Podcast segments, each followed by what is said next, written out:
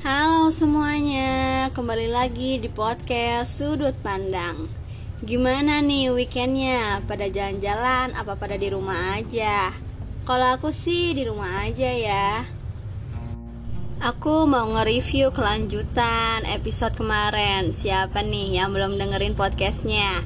Dengerin dulu ya biar nyambung sama episode keempat ini di episode keempat ini, aku mau ngebahas aspek-aspek administrasi bagian 2. Di bagian kedua ini terdapat komunikasi dan koordinasi, efektivitas dan efisiensi, kinerja dan produktivitas. Komunikasi dan koordinasi akan selalu ada, seperti saat ketika satu orang dengan yang lainnya, baik anggota dengan pimpinan, pasti akan terjadi saling silang hubungan di antara mereka. Koordinasi adalah sebuah lanjutan dari komunikasi yang terjalin dalam sebuah proses interaksi anggota dalam sebuah kelompok. Untuk menentukan tujuan, maka diperlukan sebuah komunikasi. Setelah komunikasi berhasil dan berjalan dengan baik, maka orang-orang akan mengetahui proses koordinasi tersebut. Lain hal dengan komunikasi. Komunikasi belum tentu memiliki koordinasi. Koordinasi adalah sebuah pengaturan dan manajemen lanjutan untuk mencapai tujuan yang telah ditetapkan bersama. Selanjutnya ada aspek efektivitas dan efisiensi. Efektif dapat dikatakan ketika tujuan tercapai, juga mendapatkan hasil yang telah dilakukan dengan benar sampai tujuan atau target tercapai. Sedangkan efisiensi terkait dengan ketepatan, kesesuaian, serta bagaimana proses mengerjakan dalam melakukan suatu pekerjaan dengan penggunaan SDM, waktu, tenaga, pikiran, maupun dana dalam jumlah yang sedikit. Ketika output lebih besar dibanding input, maka dapat dikatakan efisien.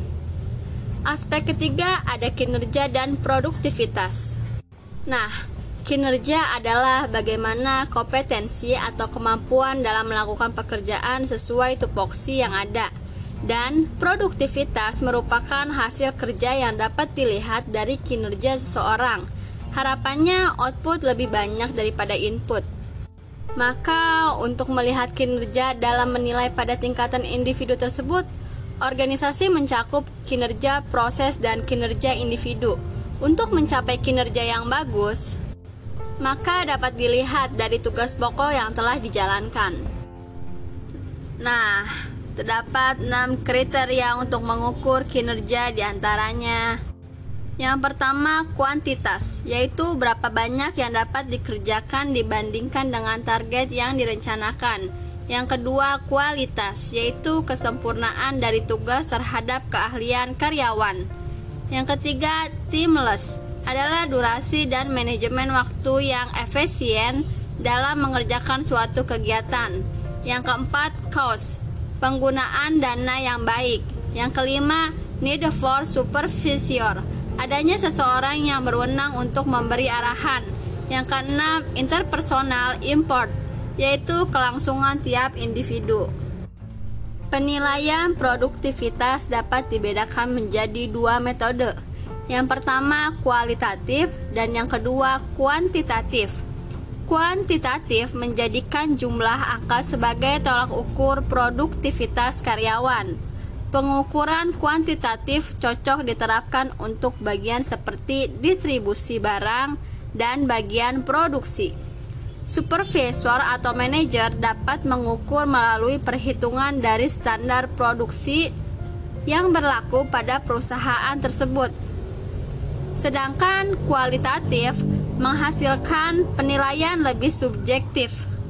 Cara pengukuran ini cocok untuk pekerja yang membutuhkan analisis dan perkiraan dan tingkat ketepatan atau akurasi.